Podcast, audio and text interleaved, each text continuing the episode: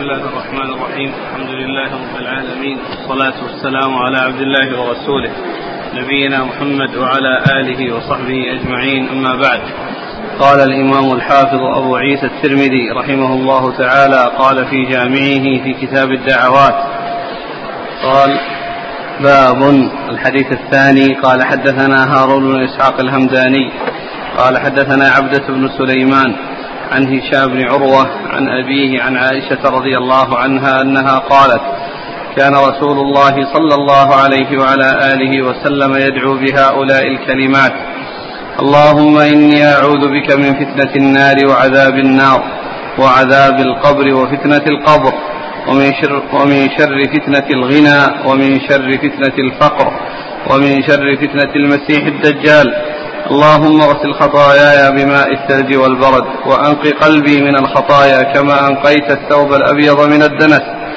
وباعد بيني وبين خطاياي كما باعدت بين المشرق والمغرب.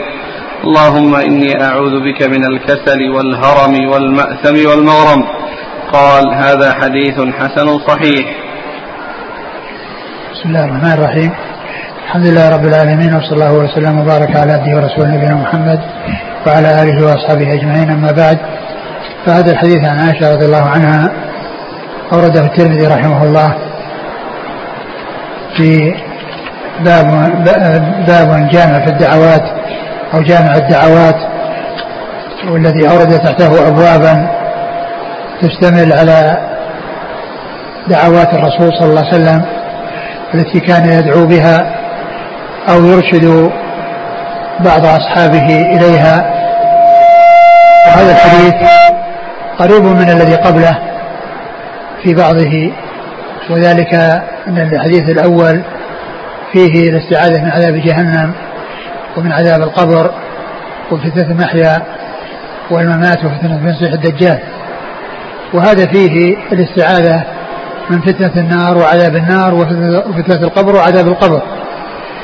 وفتنة النار قيل إنها الأسباب التي توصل إلى النار وقيل إنها ما يحصل في النار من التوبيخ من الملائكة عندما يوبخونهم فالفتنة غير العذاب الفتنة غير العذاب العذاب هو العذاب الذي ينالهم ويحصل لأجسامهم.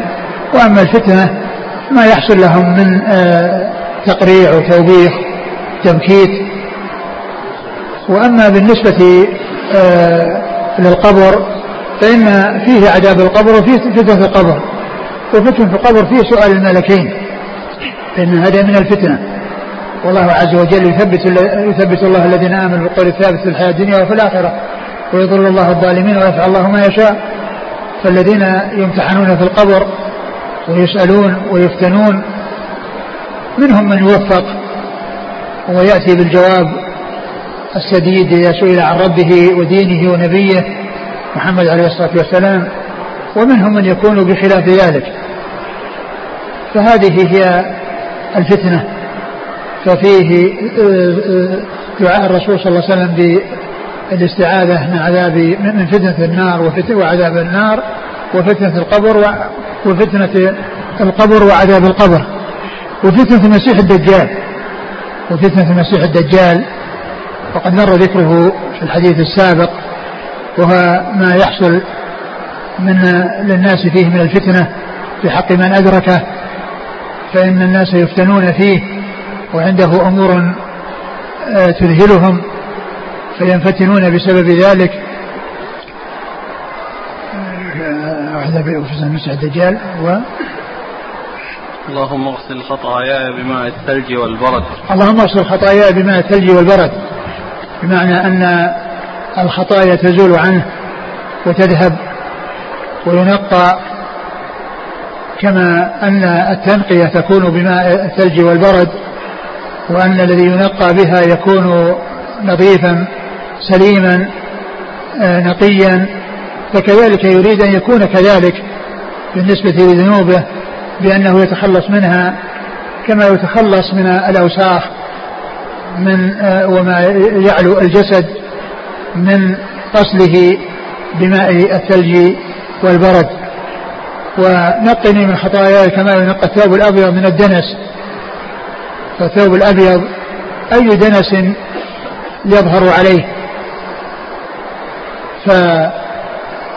فالتنقية منه تكون بالماء.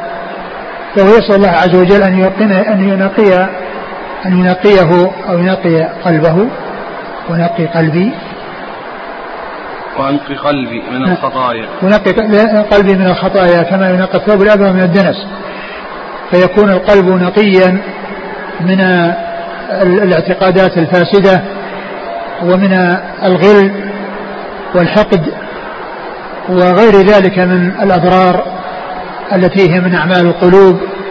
فهو يسأل الله عز وجل أن ينقيه منها وأن يخلصه منها كما يحصل التخلص من الأوساخ والأقدار التي تكون على الجسد تكون بالماء.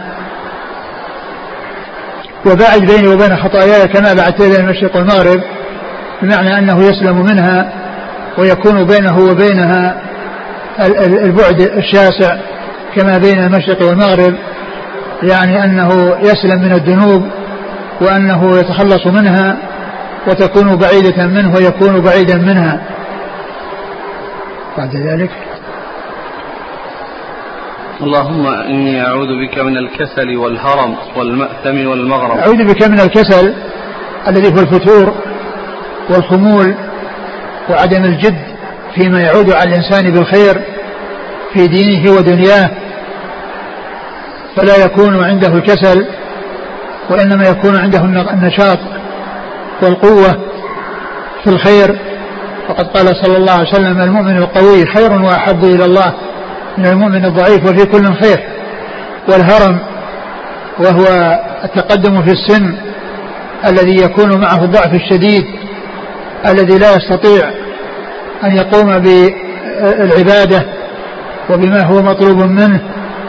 ويكون محتاجا إلى غيره في شؤونه وفي أموره فيسأل الله عز وجل أن أن يستعيذ بالله عز وجل من الكسل ومن الهرم و والمأثم والمغرم. والمأثم والمغرم. المأثم كل ما فيه إثم وكل ما يعود على الإنسان بالضرر مما فيه إثم. والمغرم قيل إنه بمعناه وقيل إن المقصود بذلك الدين الذي يلحقه ويلازمه الغريم ويؤذيه فيكون مهتما مغموما آه، حزنا بما يحصل له من آه، آه، هذا الدين الذي علقه وتحمله وليس عنده سداد وغريمه ملازمه ويطالبه دائما وابدا. فقيل إنه آه، يتعلق بالمغرم يعني يتعلق بالذنوب والمعاصي وقيل إنه يتعلق بالدين والغرم الذي يكون على الإنسان وهو ضد المغنم. يعني يكون عليه غرم لغيره ملتزم لغيره بمال في كونه مدينا لغيره فلا يجد سدادا وصاحبه آه، ملحف في الطلب وشديد في الطلب دائما يتابعه ويلاحقه ويطالبه. فيسأل الله عز وجل أن يخلصه من المأثم والمغرم. قال حدثنا هارون بن إسحاق الهمداني هو صدوق خرج البخاري في القراءة والترمذي والنسائي وابن ماجه. نعم. عن عبده بن سليمان. عبده بن سليمان الكلابي وهو ثقة أخرجه أصحاب الكتب الستة. عن هشام بن عروة. ثقة أخرجه أصحاب الكتب الستة. عن أبيه أبيه عروة بن الزبير ثقة أخرجه أصحاب الكتب الستة. عن عائشة. عائشة أم المؤمنين رضي الله عنها. نعم. قال حدثنا هارون بن إسحاق قال حدثنا عبده عن هشام بن عروة عن عباد بن عبد الله بن الزبير عن عائشة رضي الله عنها أنها قالت سمعت رسول الله صلى الله عليه وآله وسلم يقول عند وفاته اللهم اغفر لي وارحمني وألحقني بالرفيق الأعلى. قال هذا حديث حسن صحيح. ثم هذا دعاء الرسول صلى الله عليه وسلم عند وفاته قال اللهم اغفر لي وارحمني وألحقني بالرفيق الأعلى. فالرفيق الأعلى هو الفردوس الأعلى هو أعلى مكان في الجنة وهو وهو سقف وسقفه عرش الرحمن كما جاء في ذلك الحديث. والرفيق الأعلى هو مع النبيين الذين يسكنهم الله عز وجل في أعالي الجنان فيكون معهم ويكون آه، يلحق بهم وينتهي من هذه الحياة الدنيا وينتقل من الدنيا إلى الآخرة ويكون في أعلى مكان فيها مع أنبياء الله وهو خير أنبياء الله وأفضل أنبياء الله وأعلاهم رتبة وأعلاهم منزلة. صلوات الله وسلامه وبركاته عليه. نعم. قال حدثنا هارون بن إسحاق عن عبده عن هشام بن عروة عن عباد بن عبد الله بن الزبير. عباد بن عبد الله بن الزبير ثقة اخرجه أصحاب الكتب الستة.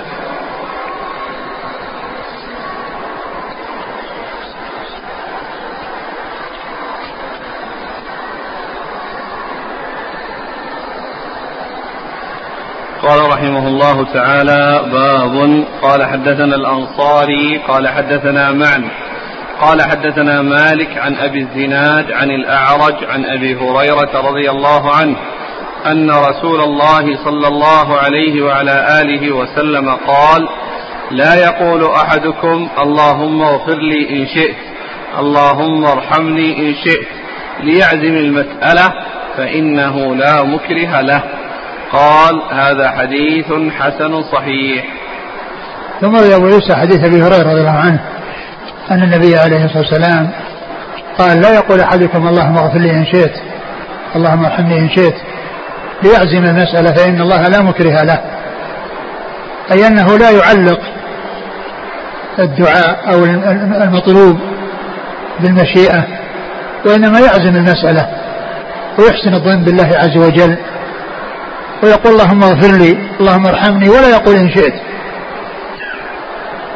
فقد نهى عن ذلك رسول الله صلى الله عليه وسلم وأرشد إلى أن الإنسان يعزم يعني ما يكون الطلب معلق ومقيد بالمشيئة وإنما يقول اللهم اغفر لي اللهم ارحمني ويحسن الظن بالله ويعزم في المسألة دون أن يكون هناك تعليق لأن التعليق فيه فيه تردد وعدم يعني عزم في الطلب. لأن إن شئت اغفر لي يعني وإذا ما شئت ما تحصل المغفرة وإنما يقول اللهم اغفر لي ولا يعلق ذلك بذلك المشيئة معلوم أن كل شيء من مشيئة الله. فمن شاء الله تعالى يغفر له غفر له ومن شاء أن يعذبه عذبه لكن لا لا يجوز الإنسان في الدعاء أن يأتي بالتعليق في المشيئة.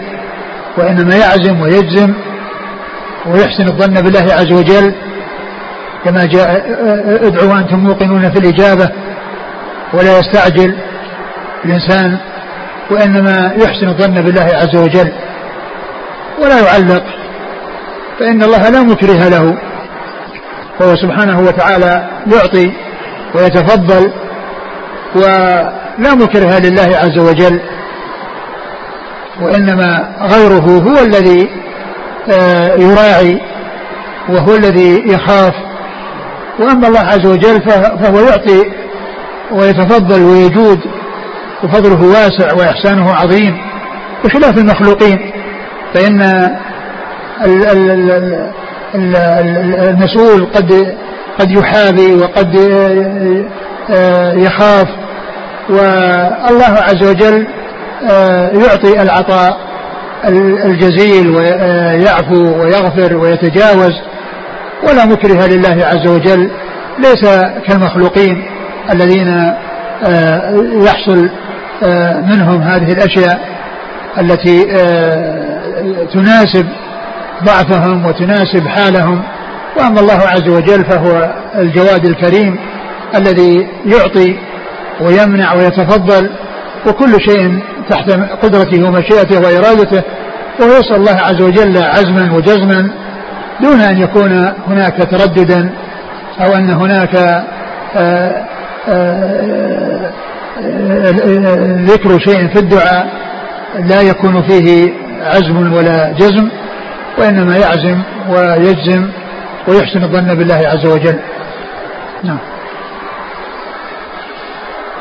قال حدثنا الأنصاري. هو إسحاق بن موسى ثقة أخرجه صدوق أخرجه ثقة أخرجه مسلم والترمذي والنسائي بن ماجه. عن معن. معن بن عيسى ثقة أخرجه أصحاب الكتب. عن مالك. مالك إمام دار الهجرة. نعم. عن أبي الزناد. أبو الزناد هو عبد الرحمن بن ذكوان. هو عبد الله بن ذكوان. أبو عبد الرحمن. كنيته أبو عبد الرحمن ولقبه أبو الزناد.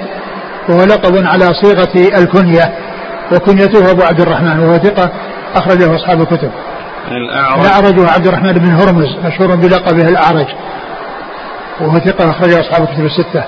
عن أبي هريرة عبد الرحمن بن صخر الدوسي رضي الله عنه وهو أكثر الصحابة حديثا.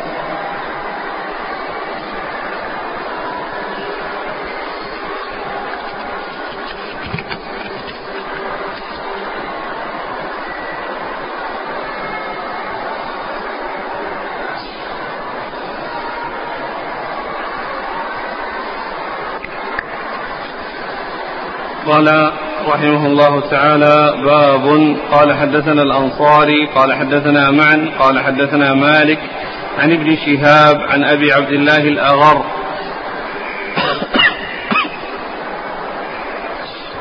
عن أبي سلمة بن عبد الرحمن عن أبي هريرة رضي الله عنه أن رسول الله صلى الله عليه وعلى آله وسلم قال ينزل ربنا كل ليلة إلى السماء الدنيا حين يبقى ثلث الليل الآخر. فيقول من يدعوني فأستجيب له ومن يسألني فأعطيه ومن يستغفرني فأغفر له. قال هذا حديث حسن صحيح. وأبو عبد الله الأغر اسمه سلمان. قال وفي الباب عن علي وعبد الله بن مسعود وأبي سعيد وجبير بن مطعم ورفاعة الجهني. وابي الدرداء وعثمان بن أبي العاص رضي الله عنهم. ثم ورد أبو عيسى هذا الحديث عن أبي هريرة رضي الله عنه ويتعلق بنزول الرب سبحانه وتعالى إلى السماء الدنيا كل ليلة حين يبقى ثلث الليل الآخر. فيقول من يدعوني من يستغفرني فأغفر له من يسالني فأعطيه. ف وهذا فيه إثبات صفه النزول لله عز وجل. وهي صفة من صفاته الفعلية. ينزل إذا بقي ثلث الليل الآخر ويخاطب عباده ويقول لهم هذه المقالة من يسألني فأعطيه من يدعوني من, من يدعوني فأستجيب له من يستغفرني فأغفر له.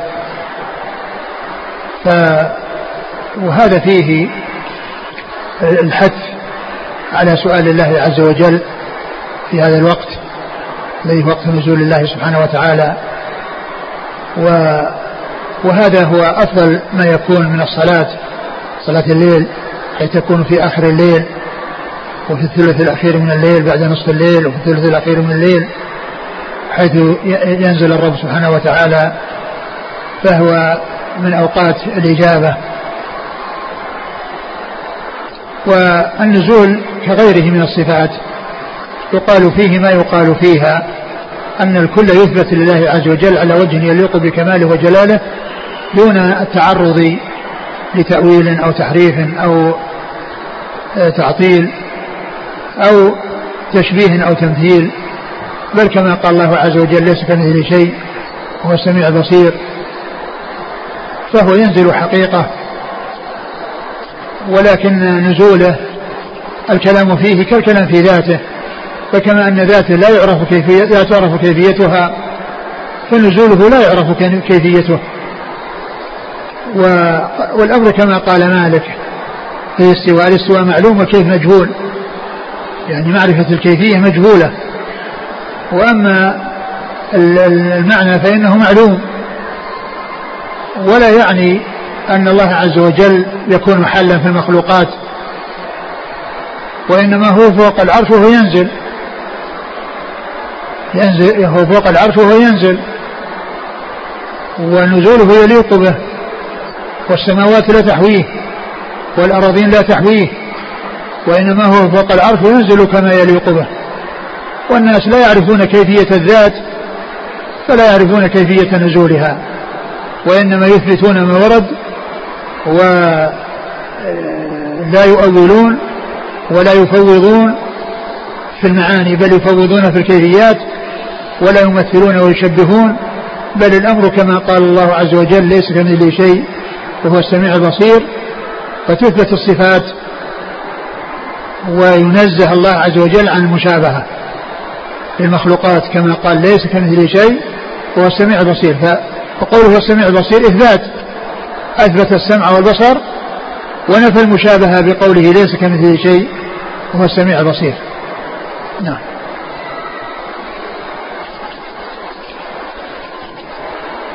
قال حدثنا الأنصاري عن مان عن مالك عن ابن شهاب. ابن شهاب محمد بن مسلم بن عبد الله بن شهاب الزهري. ثقة أخرجه أصحاب الكتب. عن أبي عبد الله الأغر. وهو سلمان الأغر وهو ثقة أخرج له. أصحاب الكتب. نعم. عن أبي سلمة بن عبد أبو سلمة بن عبد الرحمن بن عوف ثقة أخرجه أصحاب الكتب. عن أبي هريرة. نعم. قال وفي الباب عن علي علي بن أبي طالب أمير المؤمنين ورابع الخلفاء الراشدين الهاديين المهديين صاحب المناقب الجمة والفضائل الكثيرة وحديثه عند أصحاب الكتب الستة. وعبد الله بن مسعود عبد الله بن مسعود الهذلي أخرج حديث أصحاب الكتب الستة. وأبي سعيد أبو سعيد الخدري من من من المكثرين من من حديث الرسول صلى الله عليه وسلم. وجبير بن مطعم جبير بن مطعم النوفلي أخرجه أصحاب الكتب. ورفاعة الجهني أخرج له. النسائي بن ماجه. نعم. وأبي الدرداء. وأبو الدرداء عويمر رضي الله عنه أخرجه أصحاب الكتب. وعثمان بن أبي العاص. أخرجه أصحاب الكتب إلا البخاري.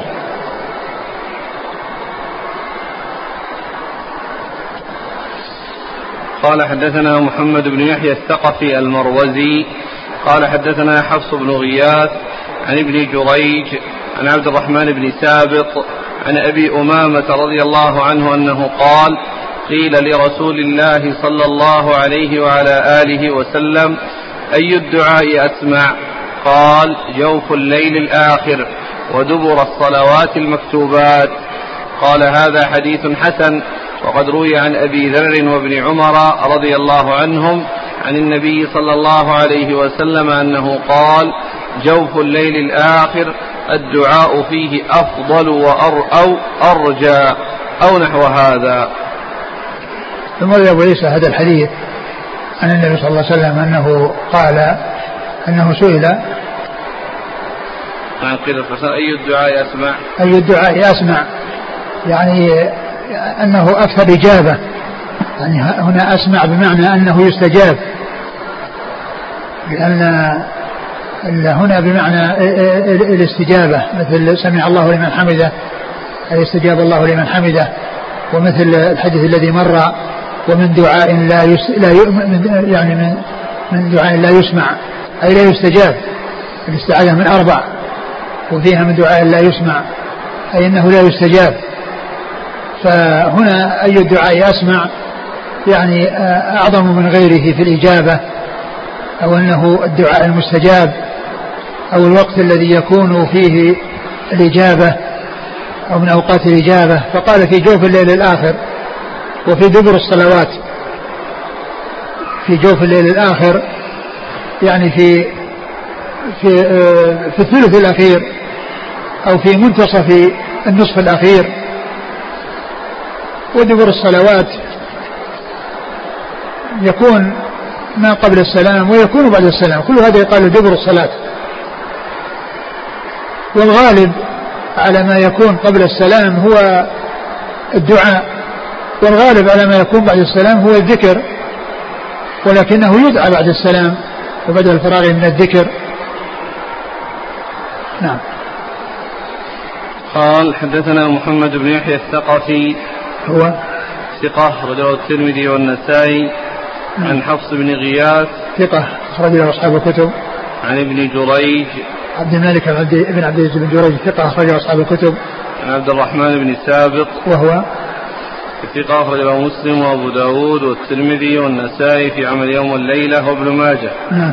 عن أبي أمامة. أبو أمامة سلي بن عجلان الباهلي رضي الله عنه أخرج له أصحاب كتب الستة. وروي عن أبي ذر. أبو ذر الغفاري جندب بن جنادة رضي الله عنه أخرجه أصحاب كتب الستة. وابن عمر. هو أحد العباد رضي الله عنه وأحد المكثرين حديث الرسول صلى الله عليه وسلم. قال حدثنا علي بن حجر قال حدثنا عبد الحميد بن عمر الهلالي عن سعيد بن إياس الجريري عن أبي السليل عن أبي هريرة رضي الله عنه أن رجلا قال يا رسول الله سمعت دعاءك الليلة فكان الذي وصل إلي منه أنك تقول اللهم اغفر لي ذنبي ووسع لي في رزقي وبارك لي فيما رزقتني. قال فهل تراهن تركن شيئا؟ قال هذا حديث غريب. وأبو السليل اسمه ضريب بن نفير ويقال ابن نقير. هذا الحديث فيه الدعاء بهذه الثلاث اللهم اغفر لي ذنبي و وسع لي في رزقي. في داري. هذه النسخ الأخرى فيها داري ليس فيها رزقي. وبارك لي في رزقي. الجملة الثالثة. والجملة الثانية ووسع لي في داري. وهذا الذي في النسخ الأخرى غير هذه النسخة التي بأيدينا من سنن الترمذي. واغفر لي ذنبي طلب المغفرة. لذنوبه والسلامة منها وأن يوسع له في داره يعني آه، إما يكون داره في الآخرة أو داره في الدنيا بأن يكون في سعة وعدم ضيق وأن يبارك له في رزقه. ما يرزقه الله إياه ينزل فيه البركة فيكون الشيء القليل يؤدي ما يؤدي الكثير أو يحصل به ما يحصل بالكثير إذا نزلت البركة فيما في يد الإنسان. فإن الشيء المبارك فيه ولو كان قليلا نفعه عظيم وفائدته كبيرة. والشيء الذي تنزع منه البركة ولو كان كثيرا فإنه لا يفيد ولا تحصل من ورائه الفائدة. بأن تمحق البركة منه. وإذا وضعت البركة في شيء فقليله يكون كثيرا وإذا نزعت من الشيء فكثيره قليل أو ليس بشيء. نعم.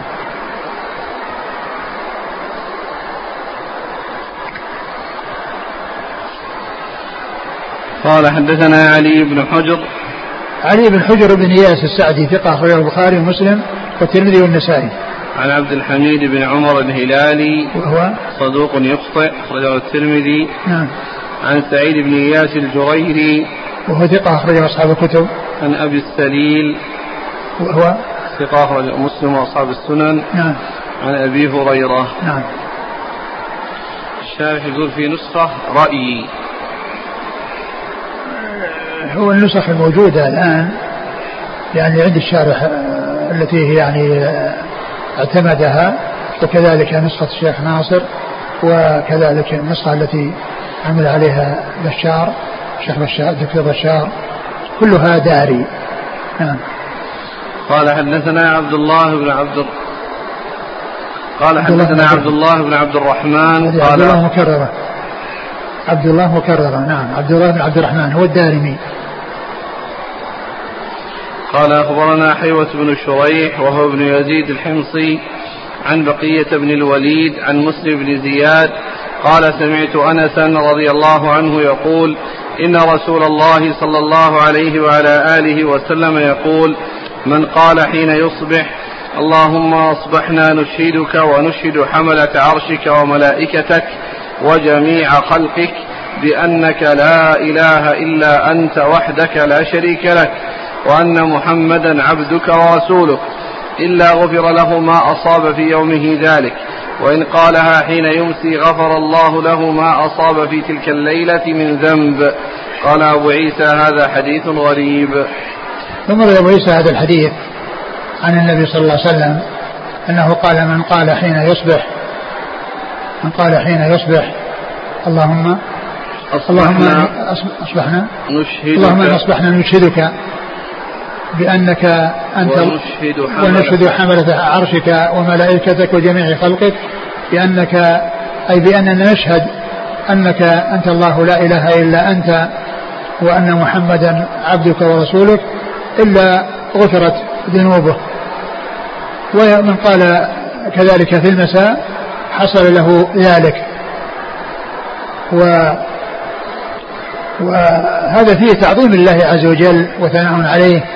والشهادة له بالوحدانية ولنبيه محمد صلى الله عليه وسلم بالرسالة وأنه يشهد الله ويشهد ملائكته وحملة عرشه وجميع خلقه بأنه يشهد هذه الشهادة التي هي آه، الشهادة لله بالوحدانية ولنبيه محمد صلى الله عليه وسلم بالرسالة. وهو معنى شهادة لا إله إلا الله وشهادة محمد رسول الله. والحديث في إسناده بقية بن الوليد وهو مدلس وفي إسناده شيخه أيضا وهو مقبول. نعم. قال حدثنا عبد الله بن عبد الرحمن. هو الدارمي وهو ثقة أخرج له مسلم. وأبو داود والترمذي. نعم. عن حيوة بن شريح. وهو الحمصي وهو ثقة أخرج له. البخاري وأبو داود والترمذي وابن ماجه نعم. عن بقية بن الوليد. وهو صدوق مدلس حديثه أخرجه. البخاري تعليقا ومسلم وأصحاب السنن. نعم. عن مسلم بن زياد. وهو مقبول أخرج له. البخاري في المفرد وأبو داود والترمذي والنسائي. نعم. عن أنس. أنس بن مالك رضي الله عنه خادم النبي صلى الله عليه وسلم وأحد المكثرين من حديثه. قال رحمه الله تعالى باب. قال حدثنا علي بن حجر قال أخبرنا ابن المبارك قال أخبرنا يحيى بن أيوب عن عبيد الله بن زحر عن خالد بن أبي عمران أن ابن عمر رضي الله عنهما قال قلما كان رسول الله صلى الله عليه وسلم يقوم من مجلس حتى يدعو بهؤلاء الدعوات لأصحابه. اللهم اقسم لنا من خشيتك ما يحول بيننا وبين معاصيك ومن طاعتك ما تبلغنا به جنتك ومن اليقين ما تهون به علينا مصيبات الدنيا ومتعنا بأسماعنا وأبصارنا وقوتنا ما أحييتنا واجعله الوارث منا واجعل ثأرنا على من ظلمنا وانصرنا على من عادانا ولا تجعل مصيبتنا في ديننا ولا تجعل الدنيا أكبر همنا ولا مبلغ علمنا ولا تسلط علينا من لا يرحمنا. قال أبو عيسى هذا حديث حسن غريب. وقد روى بعضهم هذا الحديث عن خالد بن أبي عمران عن نافع عن ابن عمر.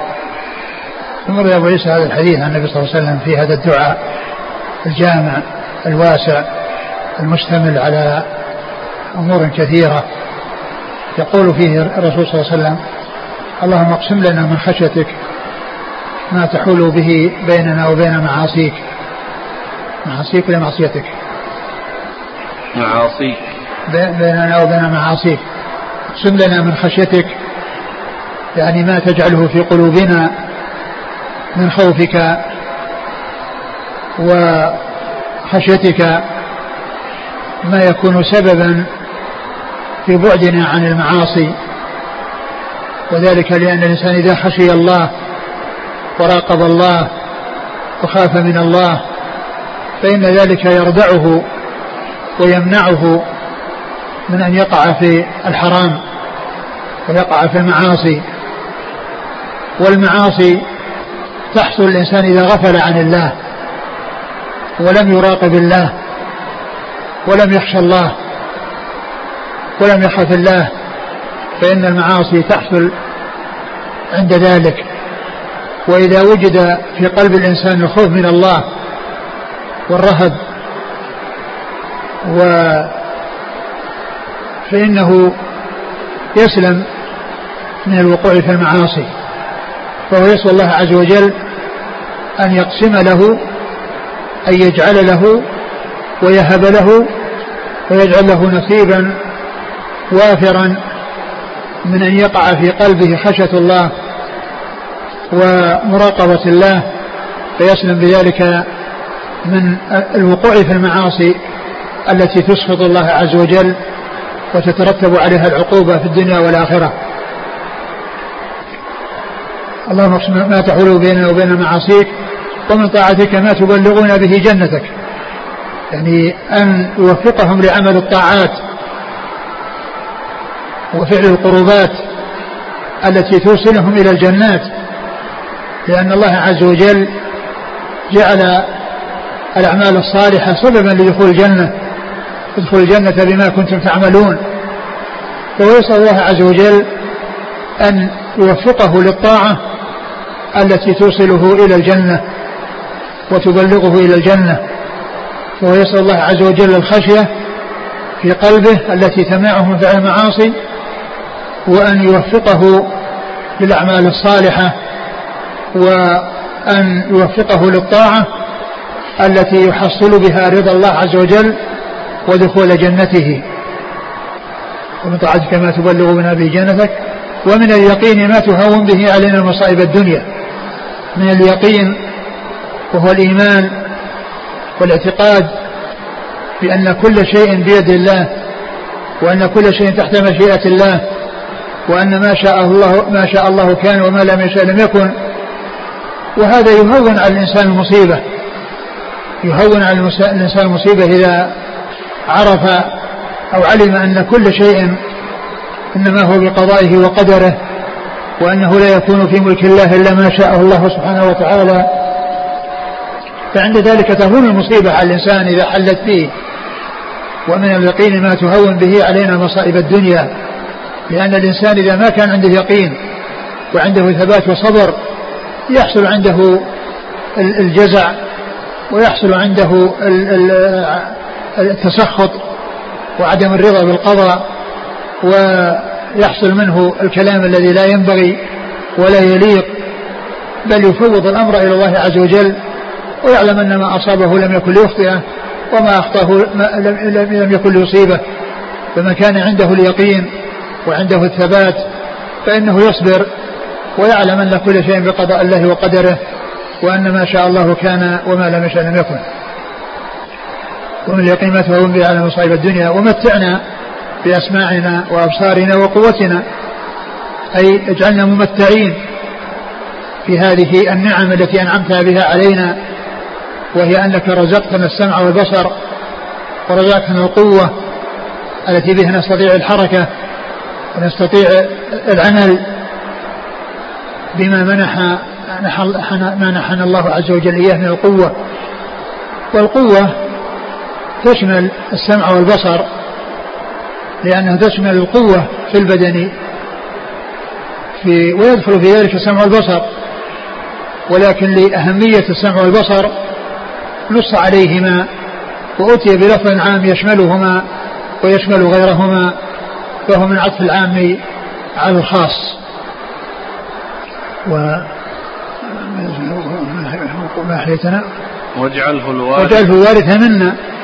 يعني يجعل هذه القوة التي منحتنا إياها والسمع والبصر الذي تفضلت به علينا يبقى معنا حتى ننتهي من هذه الحياة ونحن ممتعون به. فلا يذهب عنا قبل ذلك. وإنما يبقى معنا إلى النهاية فنكون آه، متمكنين من الأعمال التي آه، تعود علينا في الخير في ديننا ودنيانا. واجعل ثأرنا على من ظلمنا. واجعل ثأرنا على من ظلمنا يعني أن من ظلمنا أننا نتمكن من أخذ حقنا منه والتغلب عليه والنصرة عليه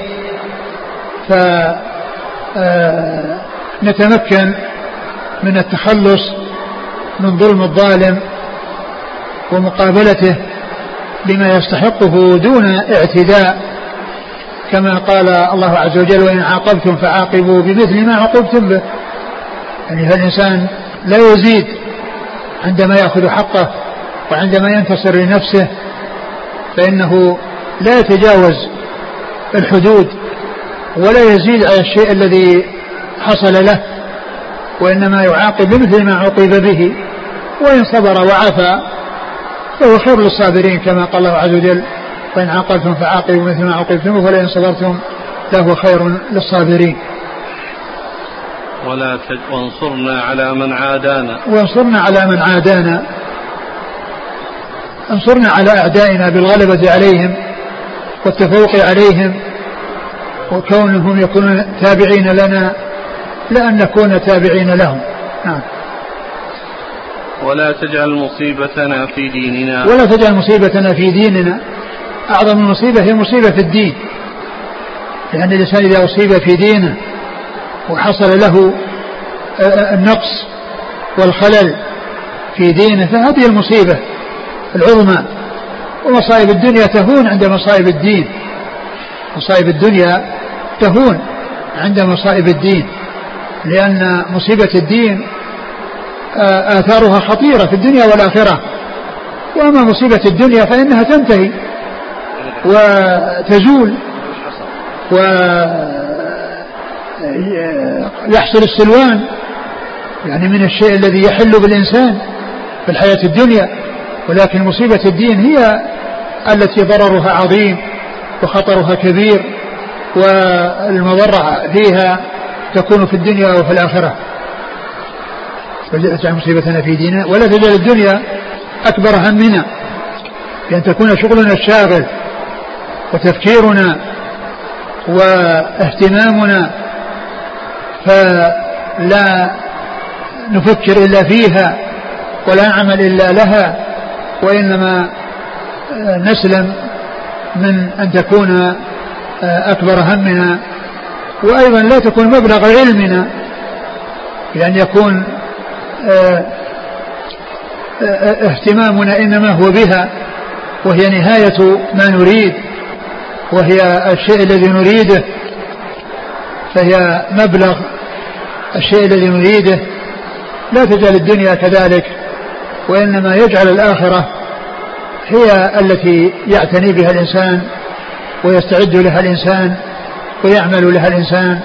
كما قال الله عز وجل وتزودوا فإن خير زاد التقوى. ولا مبلغ علمنا. نعم بعده؟ إيش مبلغ علمنا؟ مبلغ علمنا يعني ان ان, أن كل ما نريده وكل ما نعمل له وكل ما يعني يكون العلم الذي نحصله إما أن يكون دنيويا بحتا لا علاقته لا علاقة له في الدين فيكون يعني انشغالنا في الدنيا تعلما وعلما وعملا أو يكون العلم الذي نحصله نستعمله في تحصيل الدنيا وأن تكون هي مبلغ علمنا الذي نصل إليه ونتوصل إليه. نعم. ولا تسلط علينا من لا يرحمنا. ولا تسلط علينا من لا يرحمنا. تجعل غيرنا يتسلط علينا من أعدائنا.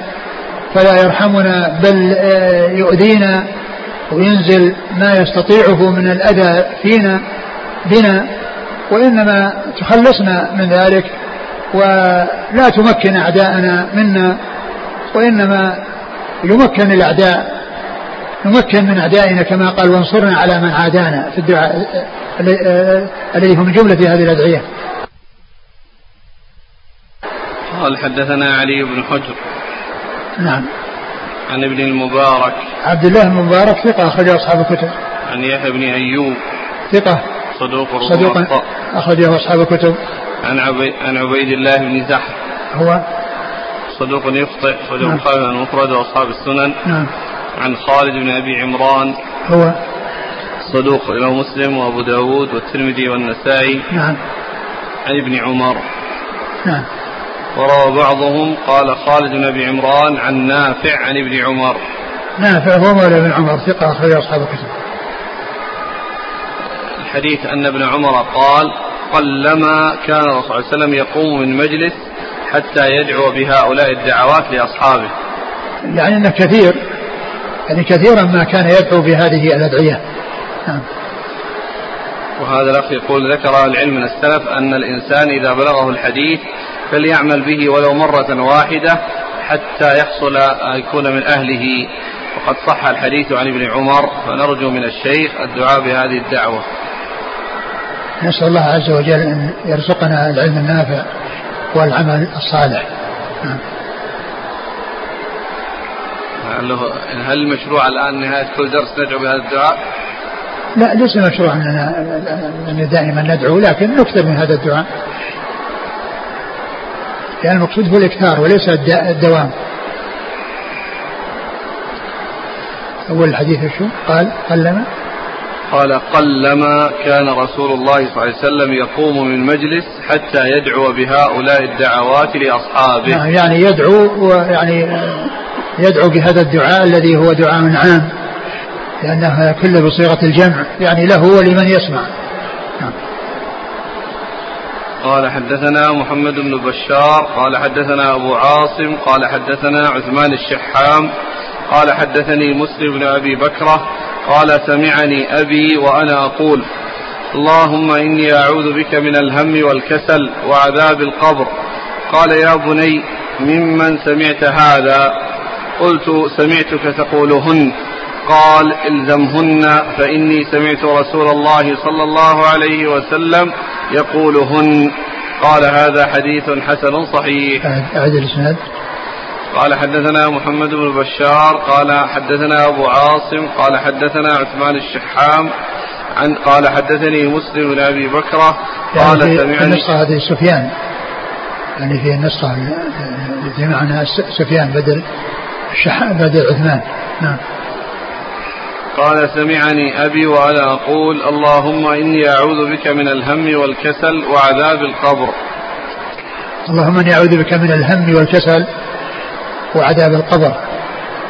كل هذه قد مرت والهم هو ما يهم الإنسان ويشغل باله ويشغل خاطره فيكون باله مشغولا بهذا الذي أهمه وهذا الذي أفزعه.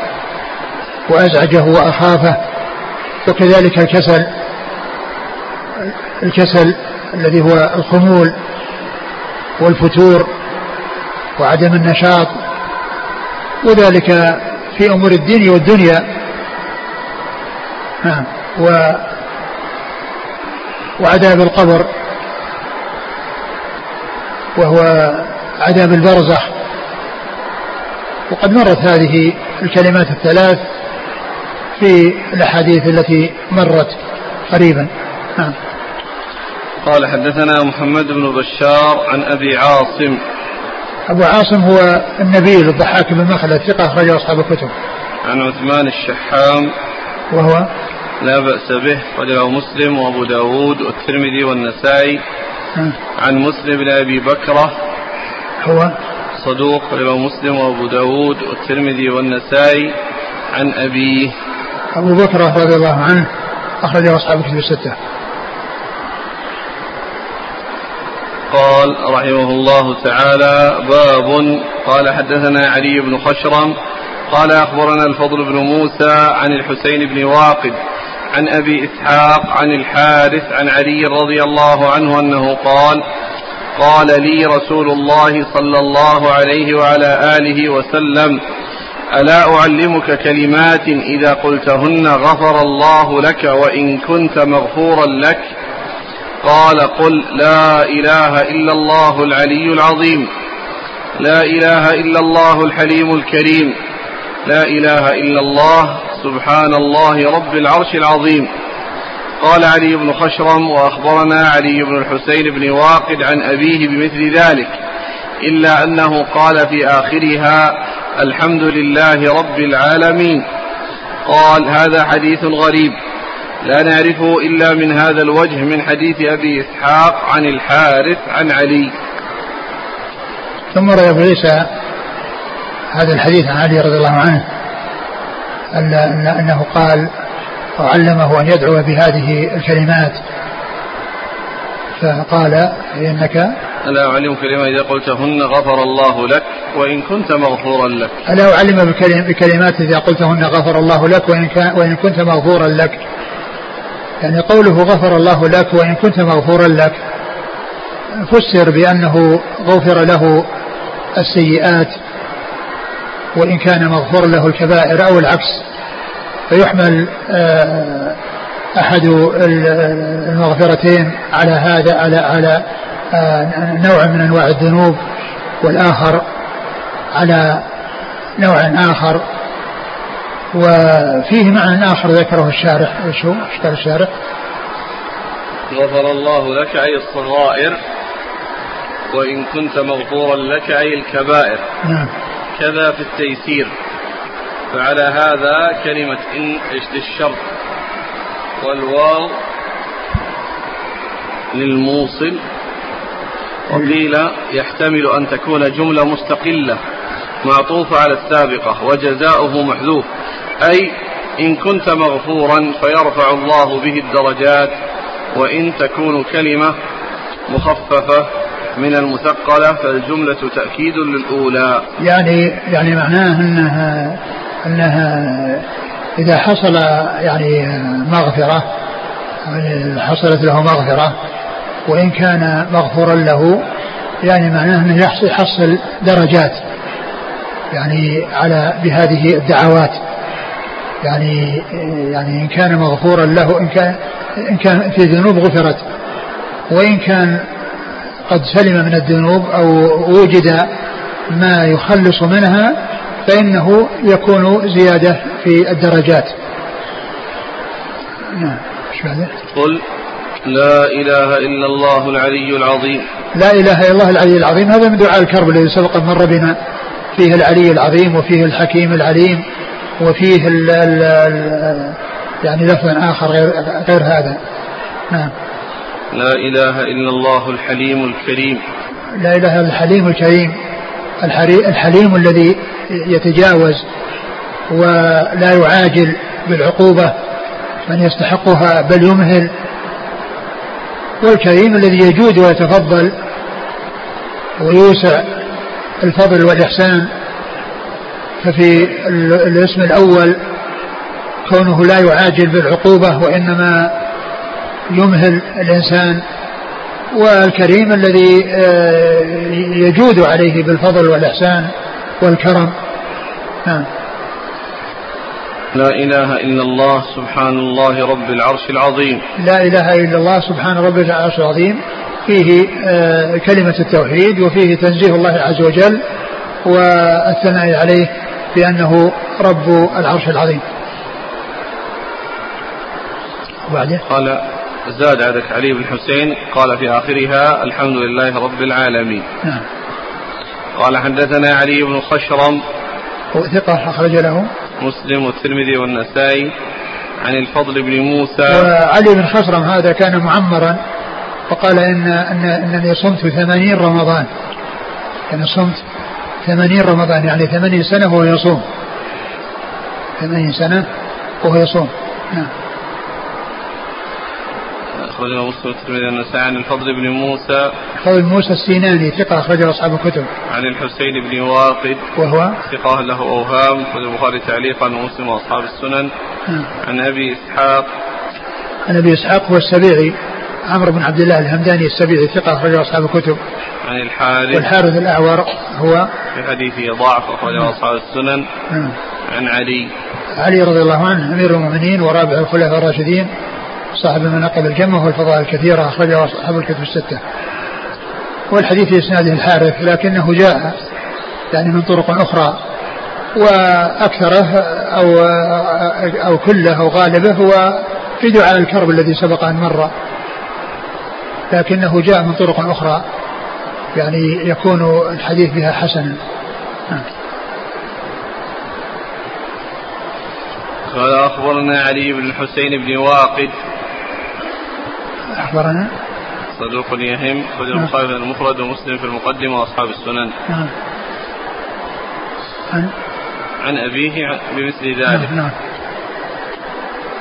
قال رحمه الله تعالى باب قال حدثنا محمد بن يحيى قال حدثنا محمد بن يوسف قال حدثنا يونس بن أبي إسحاق عن إبراهيم بن محمد بن سعد عن أبيه عن سعد بن عن سعد رضي الله عنه أنه قال قال رسول الله صلى الله عليه وعلى آله وسلم دعوة ذي النون إذ دعا بها إذ دعا وهو في بطن الحوت. لا إله إلا أنت سبحانك إني كنت من الظالمين.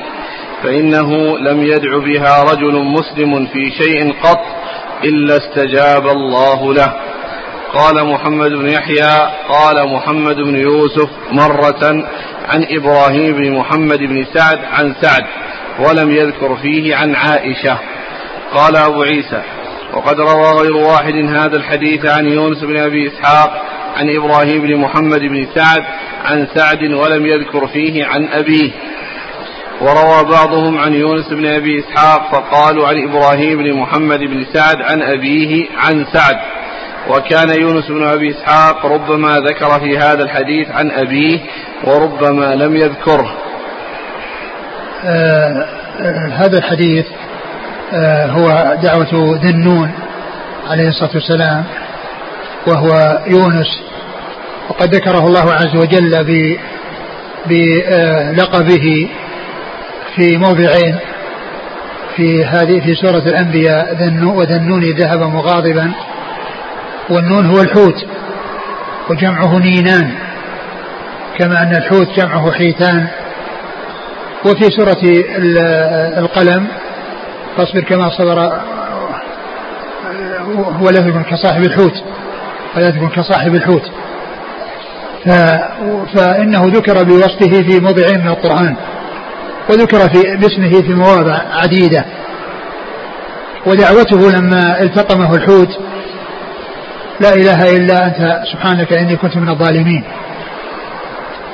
فقال عليه الصلاة والسلام في هذا الحديث آه، دعوة أخي ذنون ما دعا بها ما دعا بها مسلم رجل. مسلم.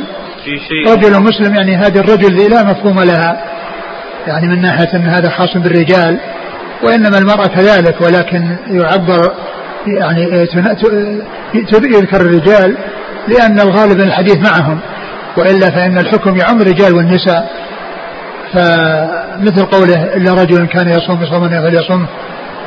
لا تقدم رمضان إلا رجل كان يصوم صوما يصوم وغيره من الأحاديث التي فيها ذكر الرجل وليس المقصود به القصر على الرجال وإنما هو الرجال والنساء.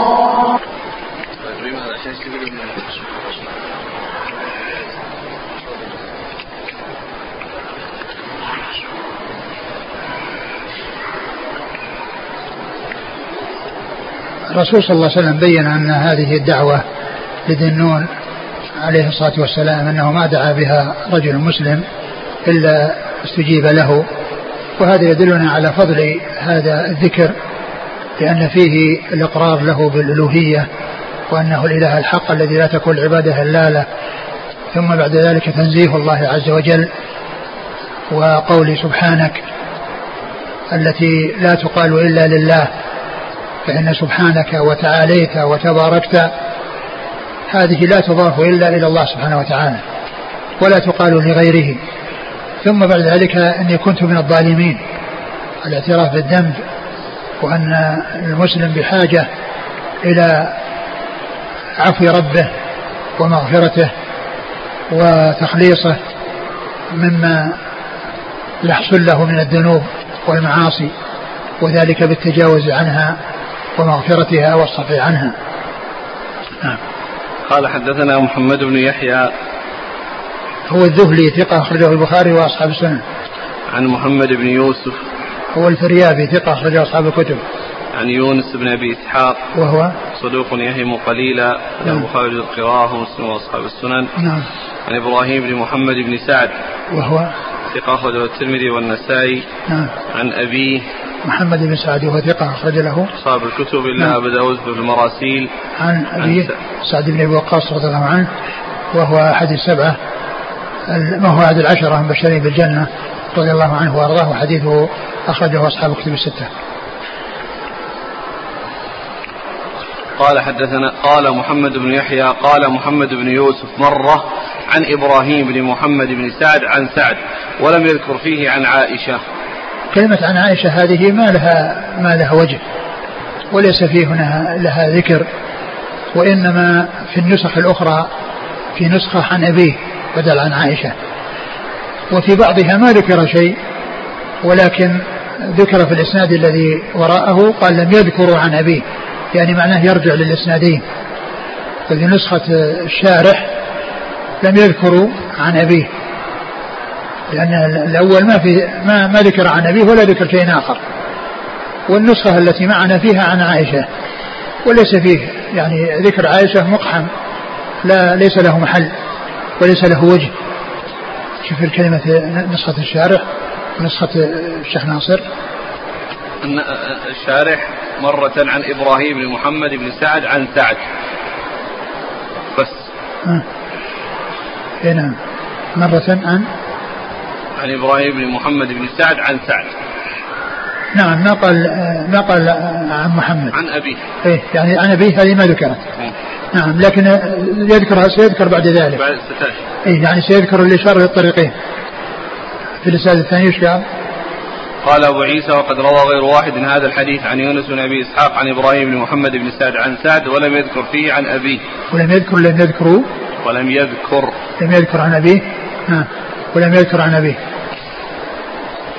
يعني معناه أن, أن, أن كلمة عن عائشة هذه آه، لا, لا محل لها. إما أن يكون عن أبيه وإما أن تكون لا يعني غير موجودة. وشوف النسخة الشيخ ناصر.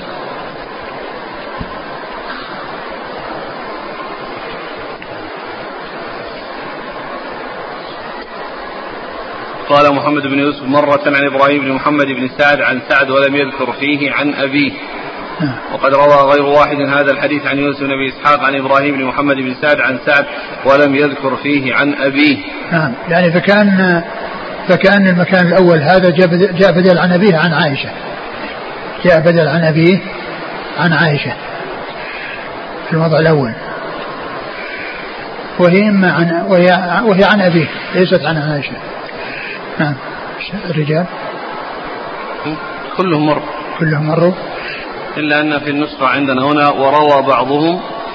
شرح في في نسخة الشيخ والشارح بين قال وهو أبو أحمد الزبيري. عن يونس بن أبي إسحاق فقال عن إبراهيم بن محمد بن سعد نحو رواية محمد بن يوسف عن أبيه عن سعد. وكان يونس بن أبي إسحاق ربما ذكر في هذا الحديث عن أبيه وربما لم يذكره. والله تعالى أعلم وصلى الله وسلم وبارك على عبده ورسوله نبينا محمد وعلى آله وأصحابه أجمعين. اللهم اقسم لنا من خشيتك ما تحول به بيننا وبين معاصيك ومن طاعتك ما تبلغنا به جنتك ومن اليقين ما تهون به علينا مصائب الدنيا.